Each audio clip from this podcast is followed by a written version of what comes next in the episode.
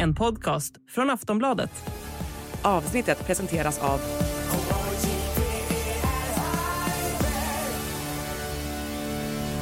Stödlinjen.se, åldersgräns 18 år.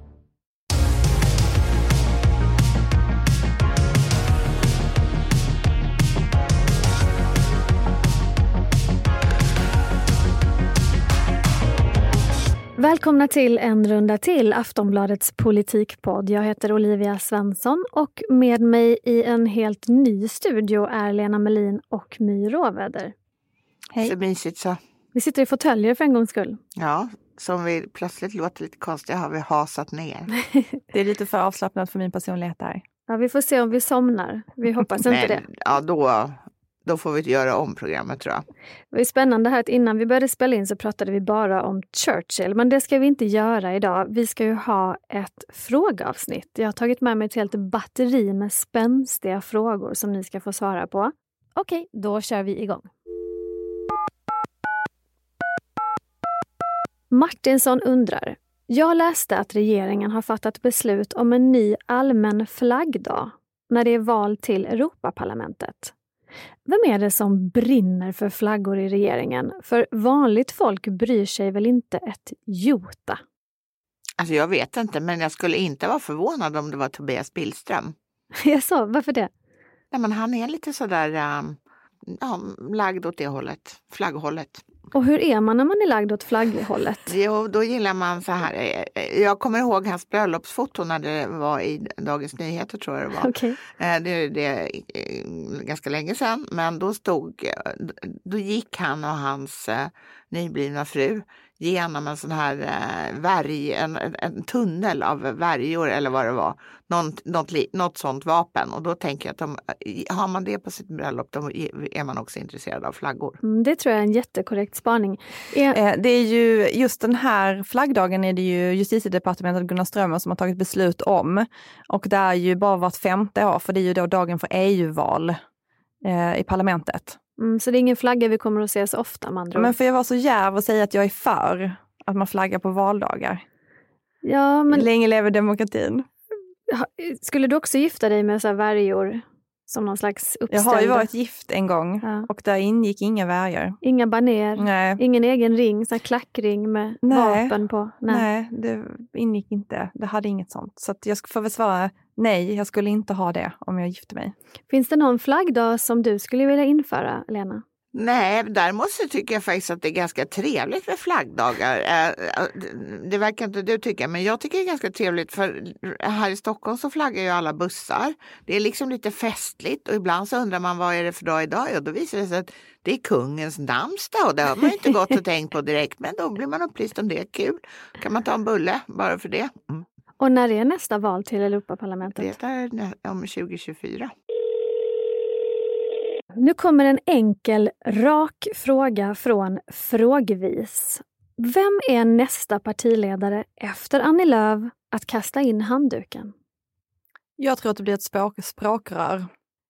Um, det går inte så bra för Miljöpartiet och det går inte så bra för språkrören. Och jag tänker, om jag bara ska spåna fritt då i luften, att uh, Märta Stenevi skulle kunna få ett annat jobb och att det, när man, det inte går så bra på det jobbet man har, att det är, kan vara ganska attraktivt. Menar du då att det skulle vara bättre för Miljöpartiet att byta ut Märta än att byta ut Per? Nej, men jag tror att det finns större möjligheter för henne att gå vidare till någonting annat. Ja, eftersom förstår. hon kommer utifrån från början och inte har varit aktiv i politiken i så många år. Eh, att han är mer fast i politikträsket. Så egentligen bara det.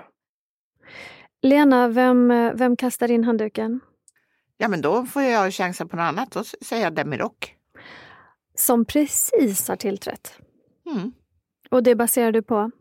En känsla. Helt ogrundad. jag tycker vi passar på att slänga in en fråga om Demirok då. Det känns väl helt naturligt därför att vi har fått ett spörsmål från Anna som lyder så här. Det har tydligen varit en mardrömsstart för Centerns nya ledare Muharrem Demirok vad gäller förtroendesiffror. Men alltså, han har ju precis börjat på sitt nya jobb. Är det ens rättvist att mäta så fort?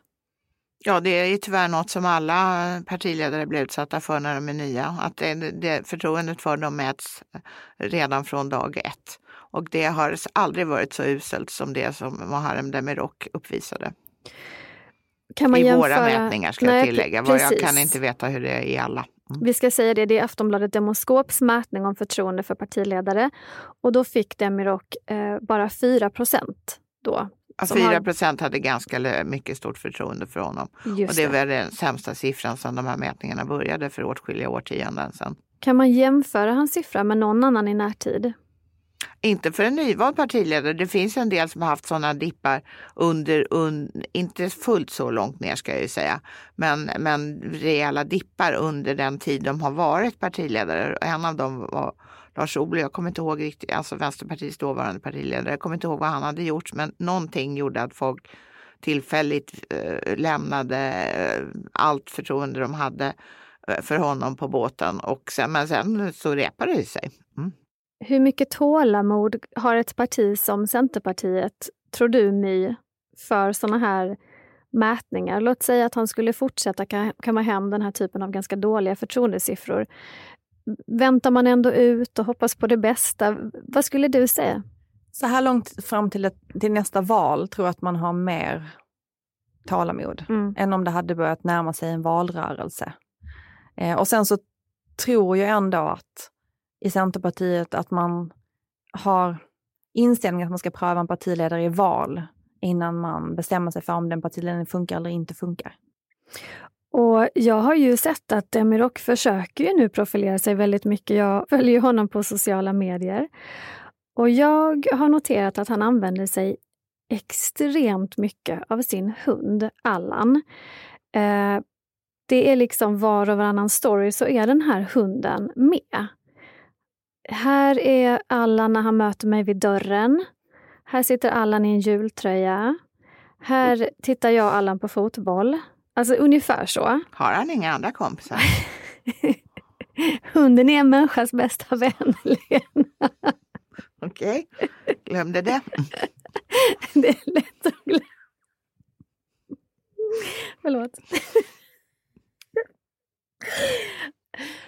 Är det också för att du ser bilden av den här hunden framför dig när du tänker på detta? Det är, det är det jag ser mest av allt på sociala medier just nu, den här hunden. Men alltså, funkar det, tror ni? Är hundtricket, sälj grej med hund. Alltså jag har liksom ingenting att tillföra det här för jag är ingen hundmänniska. Det, för mig är det helt obegripligt men det är ju jättemånga politiker som sysslar med det här. Ja. Vi har liksom sett Ulf Kristerssons hund, han släpade till och med med den stackars hunden till det, till TV4 TV4. och hade med den där. Jag vet inte varför man gör så. Nej. Den har ett eget Instagramkonto. Maria Malmer Stengårds hund har ett eget Instagramkonto. Eh, Niklas Wykman och Romina Pourmokhtari har ju en gemensam hund Ursäkta? som de nu visar, försöker driva någon slags kampanj kring att det är Sveriges mest inflytelserika hund. Och för mig, ja, det här går, förlåt Olivia, men det här går helt över huvudet för mig. Ja. Jag, jag förstår inte det här med husdjur riktigt. Du Nej. har ju husdjur. Kan Jag du har en katt. Men, och jag hänger ut min katt ganska ofta faktiskt. Men Alltså jag har ju väldigt svårt för folk som, an, som, som använder sina husdjur eller mm, vad, vad jag nu ska kalla det för, vad jag ska använda för verb. Eh, Som, ja, som de vore människor. Alltså det, Jag tycker det är väldigt konstigt. Folk får jättegärna ha en hund och jag skulle kunna klappa dela den. Ja, ja, det skulle jag kunna göra. Jag skulle kanske till och med kunna dela en hund med någon. Men alltså den dagen när jag börjar kalla den för ett människonamn, hej Gösta, eller något sånt där, då, då har det gått för långt.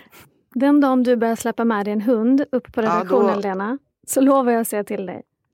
Jag är väldigt tacksam för det, men jag tror inte att det kommer att upp, uppkomma, men man vet aldrig. Vilma Larsson har skickat in följande. Ni i En runda till har ju inte pratat om allt som har hänt i kommunfullmäktige i Botkyrka. Det har ju varit kaos har man hajat kring ordföranden Ebba Östlin. Men utredningen säger att det inte finns några belägg för att partiet har infiltrerats av några gängkriminella. Anser ni att saken är utredd på ett tillfredsställande sätt? Alltså, det är lite svårt att värdera det tycker jag. Men, eh, men eh, det man kan konstatera är ju att in, det som anses vara början till det här bråket, nämligen de här fritidsgårdarna som stängdes därför att det sprang runt en massa kriminella på just de fritidsgårdarna. Det tycks ju ingen säga emot. Och att eh, ingen tycks heller eh, ha, vara av den uppfattningen att de ska starta igen i samma regi.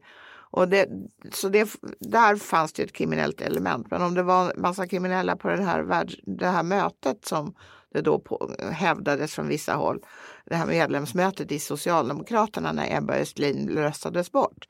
Det är ju heller egentligen ingen som har sagt att det är så utom väldigt läst. När de som har undersökt det har på, säger att det kan, eller de säger inte ens det, men man förstår att det är det de menar, att det var en person. Så att eh, om den här historien, så att säga, om vi har sett slutet på den eller inte tror jag avgörs på nästa medlemsmöte när eh, medlemmarna i Botkyrka arbetarkommun ska välja efterträdare till Ebba Östlin. Och då kandiderar ju själva Ebba Östlin till att bli sin egen efterträdare. Och, så där kan ju vad som helst hända. Men annars, om det blir någon annan, då tror jag nog att vi kan anse det, att vi har, kan lägga det till handlingarna. Vad tror du, My? Ja, men alltså, det är ju en maktkamp om styret i Botkyrkas kommun. Det är ju liksom någon slags kärnan i den här konflikten. Eh, och varför då är man inte överens om varför det har uppkommit en maktkamp? Om det beror på att man har eh, eh influerad av eh, kriminella element då, eh, försökt hämnas för att man lagt ner de här fritidsgårdarna, eller om det är Östlins ledarskap. För det är ju en sida som menar att det är hennes ledarskap som har brustit och att man har velat bli av med henne på grund av det. Eh, jag tror att om det kommer fram att det har förekommit någon slags fult spel kopplat till organiserad brottslighet, då är det ju allvarligt för partiet. Det verkar ju inte riktigt som att man kommer hitta så mycket. Eh, och annars är det bara vanligt fult spel i politiken och det händer ju hela tiden. Och då håller jo. jag med Lena, då kommer det liksom bara att läggas i handlingarna och folk kommer att gå vidare. Ja, men för det var min följdfråga. Hur, hur påverkar en sån här väldigt uppmärksammad händelse och situation Socialdemokraterna som parti? Eh, Ebba Östlin, då, eh, ordföranden, är, är ju socialdemokrat. Jag tror att, alltså, jag tror att, att Socialdemokratiska partiet som sådant är ganska opåverkat. Men där lokalt har det nog inte varit så kul. Det verkar ju vara som de ägnar väldigt mycket tid åt att springa runt och baktala varandra. Life is made up of many gorgeous moments. Cherish them all, big and small, with Blue Nile. Whether it's for yourself or a loved one, Blue Nile's unrivaled selection of expertly crafted fine jewelry and statement pieces help make all your moments sparkle. Blue Nile's experts are on hand to guide you, and their diamond guarantee ensures you get the highest quality at the best price. Celebrate a life well lived in the most radiant way and save up to 30% at BlueNile.com. That's BlueNile.com. Vi har fått en fråga från Mr Nix. Väldigt internationellt namn, det gillar vi. Uh, Ulf Kristerssons förre statssekreterare PM Nilsson säger att han ska sluta fiska ål. Vad borde andra politiker sluta med bums? Vad duktig han är, PM Nilsson. Att han ska sluta att olagligt fiska ål. Det måste vara det svåraste han någonsin har gjort i sitt liv dessutom. Vilken tur att han gick ut och berättade det. Ja, att han ska, ska sluta, sluta med sina olagligheter. Tror du på honom då? Tror du han kommer sluta? Man kan ju köpa ål om man måste äta ål. Saluhallen. Han kan ju försöka få ett, en licens för att fiska ål också om han vill fortsätta med det. Det kanske blir nästa det steg. Det är ju verkligen nästa steg att bli en rättshaverist mm. och försöka få en licens att fiska ål. Men nu tycker inte jag ni svarar på min fråga. Nu, nu bara svamlar ni om ål. Mm. Alltså vad, vad ska andra politiker sluta med? Sluta med dåliga nu, skämt. Igår. Dåliga skämt ja, är bra. det pratade vi om i förra podden ju. Mm. Man kan med eh, Att de inte kan skämta. gå tillbaka och lyssna på det. Nej, men för Anders Ygeman har, för, han har ju fortsatt skämta efter vårt avsnitt där, han ju, där vi klankade ner på honom för att han skojade om Vasaskeppet. Att, regeringen, eh, att det gick lika dåligt för regeringen som för Vasaskeppet. Så han fortsatte ju och skämta mm. på olika vis. Men inte just om Vasaskeppet? Nej, eller? inte än. Nej. Men, men liksom, vad, okej, skämt säger du mig. Och, men nu tror jag i och för sig att de flesta politiker har slutat med sånt som är olagligt. Tror du det? Jag tror det. Gud vad jag hoppas det. jag tror det, även om det, det memot inte hade nått PM Nilsson. Nej, det var lite synd att det, att det inte kom före han blev statssekreterare. Vad tror du, Lena? Vad ska, eller vad tycker du? Vad ska de sluta med? Jag, är så, jag antar att vi är ute efter något så här liksom som de gör lite utanför tjänsten. Eh, eller uppdraget eller vad man ska Du får säga. tolka den här frågan Ja, som i- du för i vill. så fall så var vi inne på något. Jag tycker man kan lämna sina husdjur därhen. Även Mm. husdjur har ett rätt till privatliv Eh, och en egen zon. Men, men eh, i övrigt så tycker jag ju det som är ganska jobbigt i svensk politik nu det är ju att alla missförstår, eh, medvetet missförstår varandra hela tiden utom de gånger när det passar dem att inte missförstå varandra. Det tycker jag på det politiska planet är, vore oerhört härligt om de slutar med. Eh, ja, idag. För att den, den, den politiska debatten skulle bli så otroligt mycket mer spännande om de debatterar sina skiljaktigheter istället för att hitta på skiljaktigheter. Det är nästan som att du har fuskläst mitt manus, Lena, och det har du ju inte. Nej. Men då går vi raskt till nästa fråga som verkligen eh, liksom hänger in i det du sa nu. Hänger på det du sa. Vi har fått en fråga från filosofen. Oj, Mm. Jag läser. Politiken ligger för långt från verkligheten. Det är för mycket svart och vitt. Antingen är saker jättebra eller jättedåliga. Är det därför väljare tröttnar och kanske färre röstar? Vad skulle hända om politikerna ägnade sig lite mer åt gråskalor? Det vill säga som livet är där vi människor faktiskt oftast befinner oss. jag eh, håller med till fullo. Mm. Och jag tror att politiken skulle vinna på det. Jag tror att frågeställaren har rätt i att det här är en bidragande orsak till att, eh, att valdeltagandet gick ner med 3 procentenheter i det här senaste valet. Och ehm, ja, jag, kan, jag bara instämmer i alltihop. Tror vi att politiker tänker fel? Att de tänker att vi vill ha svart eller vitt, vi vill ha bra eller dåligt. Men att de underskattar oss för att vi egentligen fattar att ingenting kan vara antingen jättebra eller jättedåligt, utan det mesta är kanske lite bra eller lite dåligt. Nej, men det viktiga är väl att man håller sig till sanningen, precis som Lena säger, att man hittar på premisser eller hittar på förutsättningar som inte riktigt är sanna. När gråskalan är osanning, Mm. det tycker inte jag heller alltså gagnar den politiska debatten. Och det gör ju att människor blir besvikna, bland annat. Eh, de här vallöftesdiskussionerna, de har ju blivit eh, de är ju mer känslomässiga eftersom människor blir besvikna eftersom de inte hade förstått att allting inte riktigt stämde eller att det inte gick att tolka det på det sättet som de sa. Eh, det var inte så rakt som de sa. Mm. Så det blir ju ett problem för debatten. Då blir den ju urholkad och förtroendet för politiker sjunker. Upplever ni att de här svarta eller vita färgerna, att det har blivit att det har blivit, att vi går mer ditåt och att det kanske var mer gråskalor förr? Den här gråskalan är ju mest osynlig så att säga på verklig toppnivå, egentligen på partiledarnivå. Och, eh, och kanske några till eh, högst upp i ett parti. Om man lyssnar på en helt vanlig, vanlig debatt i riksdagen så är den ju kanske för grå istället. Mm. Eh, därför att där är det, de mal, bara mal på och är, börjar varje anförande med att säga att ja, på den punkten är jag och herr Andersson eh, överens.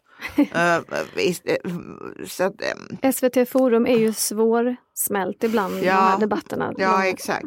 Och, så att, jag tror ju att på det här verkliga elitskick, i, det- här verkliga elitskiktet så tycker de att de tjänar på det här. För de kanske bara får in en liten halv mening i någon eh, etermediasändning av något slag.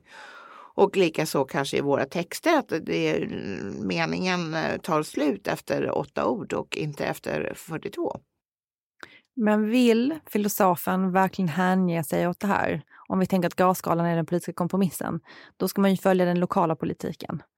Där är det ju, där är det ju mycket större gråskalor. Om vi till exempel tar eh, exemplet vilka som samarbetar med vilka, så finns det ju inga sådana riktiga gränser i den lokala politiken, i kommunpolitiken.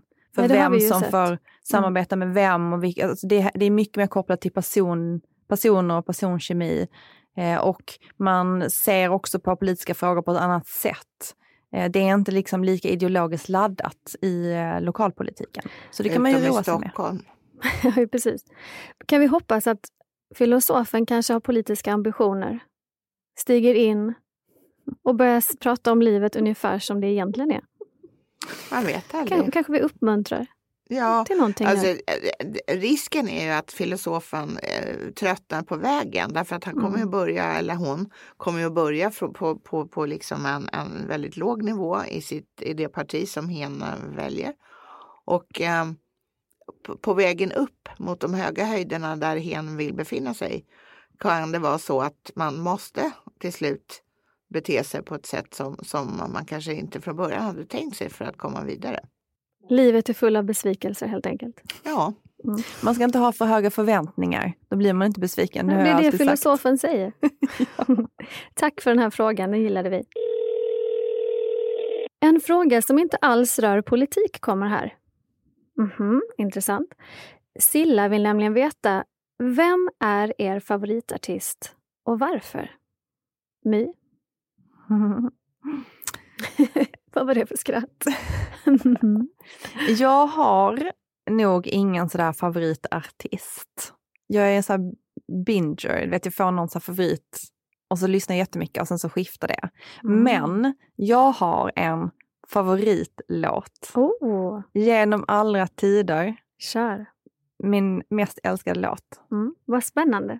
Är det Sveriges nationalsång? Det, kän, det känns lite för intimt egentligen att avslöja det här. Ingen får döma mig.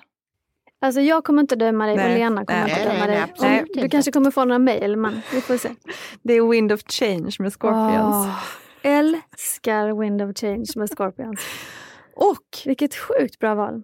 det är ju också en, eh, den, det är ju en liten del av din och min relation. För Med första gången jag träffade Ja. dig Ja. så visslade du intro till Wind of Change med det? Scorpions och stal mitt hjärta. Jag vet att jag visslade på den här festen, men jag visste inte att det var det jag visslade. Jo, det var det. Var det det? Ja. Ja, för Du, visste, att, du visste inte hur rätt du träffade när du gjorde detta. Och vid något tillfälle så ska du få göra det i den här podden för att du visslar ju som, som Wind of Change Ja. i Scorpions. alltså jag är bäst i världen på att vissla. Mm, faktiskt. Det, det är liksom det som är min stora... Det var det jag fick, visslingen. Men, men det är, ju- och det är ju jättetråkigt på ett sätt eftersom ingen efterfrågar det någon gång. Men det är ju jättefint. Det är nästan som att vi skulle Men vi, haft... alltså, he- hejda dig, vi frågar ju jätteofta om du kan vissla en liten trudelutt. Jo, Men, alltså ska jag skriva det på mitt CV? Alltså, vad ska jag använda göra. det till? Det är ju åtminstone korrekt. Lena, vad svarar du? Alltså just nu så lyssnar jag på epadunk när jag städar och sådär och Ja, plockar det har grejer. du avslöjat. Ja, så då får jag väl säga att jag tycker bäst om Hoja som artister. Ja, Den här duon från Gällivare. någon särskild låt? Nej, det går bra att vara vad som helst. Jag- tycker man får en särskild fart i själva städandet och plockandet i den där typen av musik. Jag kan också sätta på Ebba Gold, äh, Abba Gold äh, Ja. för att den, den kan få ha samma effekt. Är det någon särskild låt? Nej, Abba? det går på hela skivan. Mm. Eh, Men sen annars älskar jag ju Luciano Pav- Pavarotti, Di Modena. Och det som är så roligt nu är att då har du och jag det gemensamt, Lena. Ja. För jag älskar också Pavarotti. Jag Älskar. smälter. Och det, men då håller jag inte på att springa runt med dammsugaren vill jag ju bara påpeka. Utan då, då ligger jag på soffan och insuper. Vi har fått många valanalyser här på sistone. Vi gick ju igenom sossarnas otroligt grundligt. Eh, men efter det så har vi även fått Miljöpartiets, Centerns och Kristdemokraternas bara på ett bräde. Tjut, tjut, tjut. Vem är det som är tänkt att läsa de här valanalyserna undrar Maja, som själv är engagerad i ett ungdomsförbund. De eh, här eh, valanalyserna eh, vänder sig ju inte till journalister, men jag tror att många journalister som sysslar med politik, de läser ju de här. Och sen ska ju tanken är ju att partierna ska lära sig någonting av sina misstag, så att man kan ju då hoppas att de aktiva tar sig igenom de här valanalyserna också. Vet vi om de har några liksom workshops om sina valanalyser där de verkligen är så här, nu vill vi prata om vårt resultat? Men det tror jag de bestämmer lokalt, så det Mm. vet inte vi. Eh, Nej, och sen så, det är ju alltid lite diplomati involverat i de här valanalyserna. Det är ju liksom inte de mest sten, den stenhårdaste kritiken. Förutom då, jag vill ju alltid rekommendera Liberalernas valanalyser. För det är ju Mhm. Är de självspäkra i elaka? partiet. Ja men de är ju, väldigt, de är ju mer elaka mot sig själva än vad andra är. Men och det är inte ju det vad som spännande, man får en behövs? insyn, det är ju det, är precis det, Mm. det som behövs. Man får Mm. en insyn i var man tycker att det finns brister i ett parti. Eh, så jag tycker att det är väldigt underhållande att läsa. Det är ju Alltså, mest för underhållning kanske. Jag än tänker det är för- ju inget vanligt företag som ska utvärderas. Det är ju ändå någon som vill ha makt över Sverige och över de frågorna som svenskar tycker är viktiga och som ska forma vår vardag. Är det inte viktigt att man vågar vara så absolut ärlig som möjligt? Men det är ju också människor, man utvärderar människors insatser. Så att det är ju, kan Men får man inte tåla det om man är Jo, toppolitiker? man tål mycket, absolut. Men jag tycker det är intressant att det oftast skiljer sig så mycket, i alla fall mellan min uppfattning om vad som gick snett och vad partierna tycker gick snett. Jag tycker de oftast tar, eh, drar helt fel slutsatser. Hur menar du? Nej, men, säg att de, eh, att de säger så här, eh, vi ägnade för mycket tid åt eh, glass. Mm. Då kan jag tycka att nej, ni, ägnar, ni, ni var bara för dåliga för att formulera det här ni ville säga om glass. Däremot, men, tid, men tiden, den eh, kanske inte alls var för mycket utan för det här var någonting som gick hem hos väljarna och som också väljarna uppfattar som väldigt viktigt, ett viktigt område. Vet att exakt, jag håller med i det här exakt. Och det här var någonting som var genom, som ge, gick igenom nästan alla de här valanalyserna. Och det var, i alla fall från vänstersidan, när de kritiserade den här nu sittande regeringen för att de var för populistiska i valrörelsen och att deras frågor inte kom fram. Vad de säger är ju egentligen att de var för dåliga. Mm. För att det är ju liksom, det är ju debatten, den politiska debatten som är hantverket i politiken ändå i en valrörelse. Och de lyckades inte med det. Det handlar inte om att de inte fick frågor eller att deras fråga inte var aktuell eller att journalisterna var för dåliga och dumma och, eller att de andra hade enklare förslag. Nej, men de var bättre i den politiska debatten bara, faktiskt. Och det är såklart jättetufft att ta in men ju också superviktigt om man ska göra någonting annorlunda till nästa gång. Men, men finns det en valanalys som man får läsa och som de går ut med och en som de kör innanför lyckta dörrar? Sverigedemokraterna publicerar inte ens en valanalys, de gör väl bara internt. Men jag tror att det som inte så att säga, om man, om man gör en valanalys som man publicerar, då tror jag att det är den som gäller. Det, resten är muntligt. Ja, men finns precis, inga det är det jag skriftliga menar. spår. Nej, exakt. Då tar jag in dig på, på rummet och Ja. säger Eh, du sorry. pratade för mycket om glass. Mm. Mm. Jag var så besviken på Miljöpartiets valanalys Varför den här det? gången. För att de brukar också vara bra. Det brukar vara Miljöpartiet och Liberalerna som är, liksom är underhållande och har, mm, vad ska man säga, storheten nog att vara väldigt självkritiska. Vilket ju är viktigt om man är de minsta partierna också i Ja, riksdagen. och nu var det, alltså det här, det här var inte ens en valanalys. Det var en sammanställning av siffror med väldigt lite analys och väldigt lite sammanfattning. Har eller gett upp? Jag vet inte om det var känslan. Det enda som egentligen fanns någonting att ta på där det var någonting var ju att man tyckte att det var ett problem att deras språkrör hade väldigt lågt förtroende. Mm. Eh, Men igen så var det det här med, vi fick inte prata om klimatet och jag tycker inte att de har rätt. Jag tycker inte att de har rätt i att det här inte var en fråga i den här valrörelsen. Nej men de andra ville prata om kärnkraft, de var bättre på att hantera den här debatten. Men de har inte rätt i att säga att det inte var en fråga i valrörelsen. Din analys är att de pratade om klimat. De visste bara inte hur de skulle göra det på rätt sätt. De gjorde det på fel sätt. De gör inte det på ett sätt som engagerar människor. Eh, Så Mm. att de får väl fundera över hur man gör det. Och så hoppas jag att de internt gör en riktig valanalys av vad det var som inte gick så bra. Den här muntliga delen alltså. Ja, exakt. Falukorven, Lena. Mm. Mm. Det nytt, var ju- nytt grepp, visuell, visuell radio. Ja, Ebba Busch lyfte falukorven eh, väldigt många gånger, Mm. känns det som. I Sveriges Radios slutdebatt för partiledarna. Där tog Ebba Busch upp falukorven och sen blev det ju en gimmick som Mm. man verkligen minns.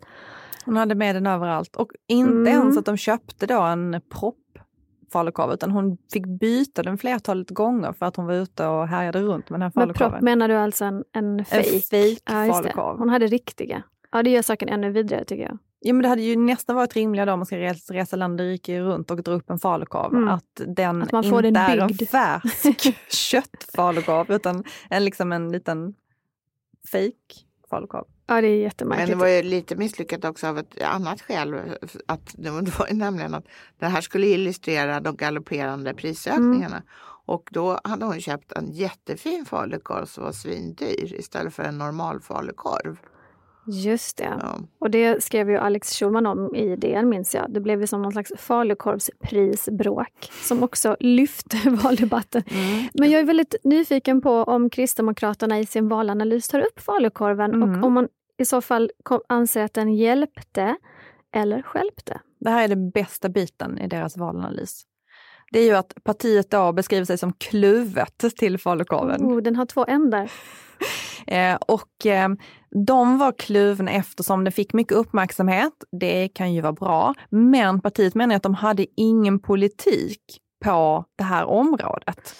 Eh, så att det fanns liksom ingenting, den här debatten gav inte partiet någonting. Och att när partiet kämpade för att komma ut i sjukvårdsfrågan så åkte deras partiledare runt och fiftade en falukorv som inte innehöll politiska förslag och där de inte liksom var en del av debatten egentligen. Så att de kommer ju också fram till att eh, det finns ingen anledning att rösta på Kristdemokraterna. Om du värnar din falukorv. Överhuvudtaget nästan. Nej. Utan att de måste ju göra sig relevanta för som det är nu så delar de väljare med Sverigedemokraterna och Moderaterna och de har ingen USP, alltså de har inget unikt som gör att man ska rösta just på dem och inte på de andra två partierna. Men då vill jag veta, vilket är det mest falukorvskompatibla partiet? Vem kan lyfta falukorven med störst trovärdighet? Alltså när det gäller bekämpa inflationen, för det var ju det det handlade om Mm. egentligen. Så då är det ju alltid så att de största partierna har ju den högsta trovärdigheten på det ekonomiska området och Moderaternas är högre än Socialdemokraternas.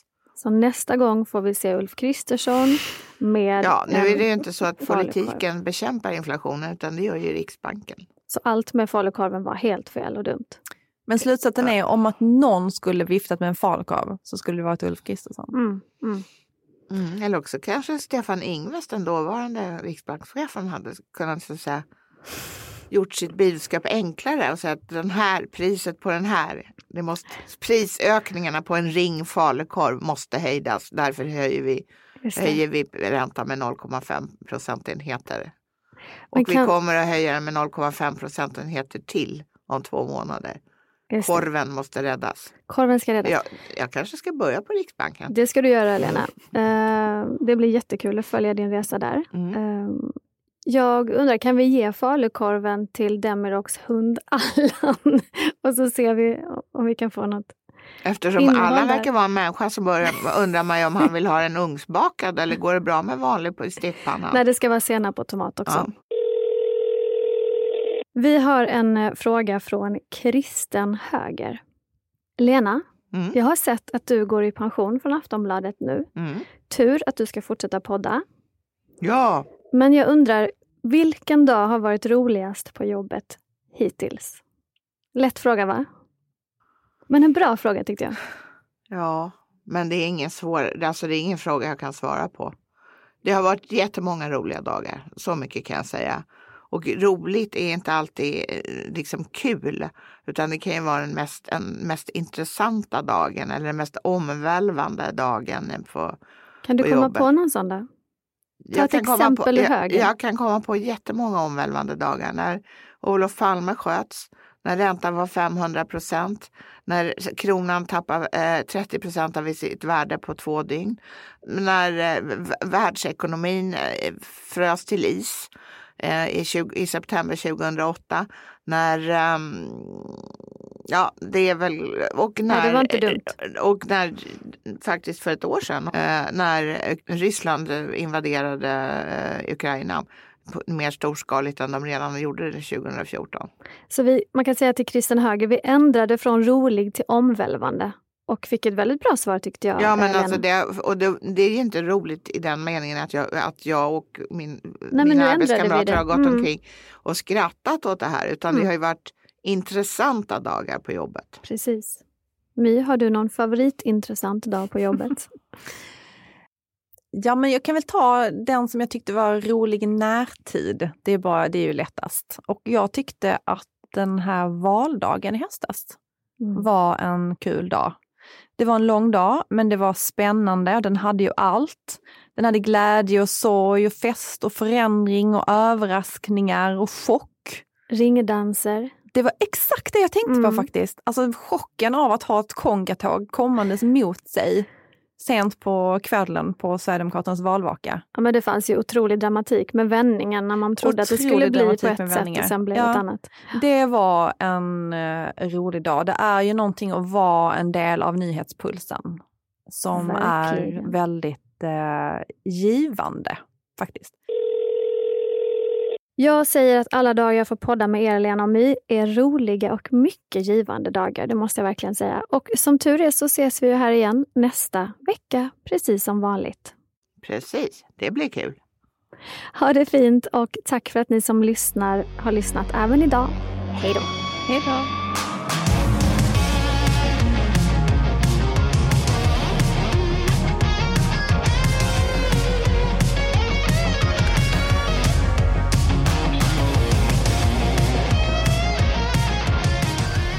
Du har lyssnat på en podcast från Aftonbladet. Ansvarig utgivare är Lena K Samuelsson.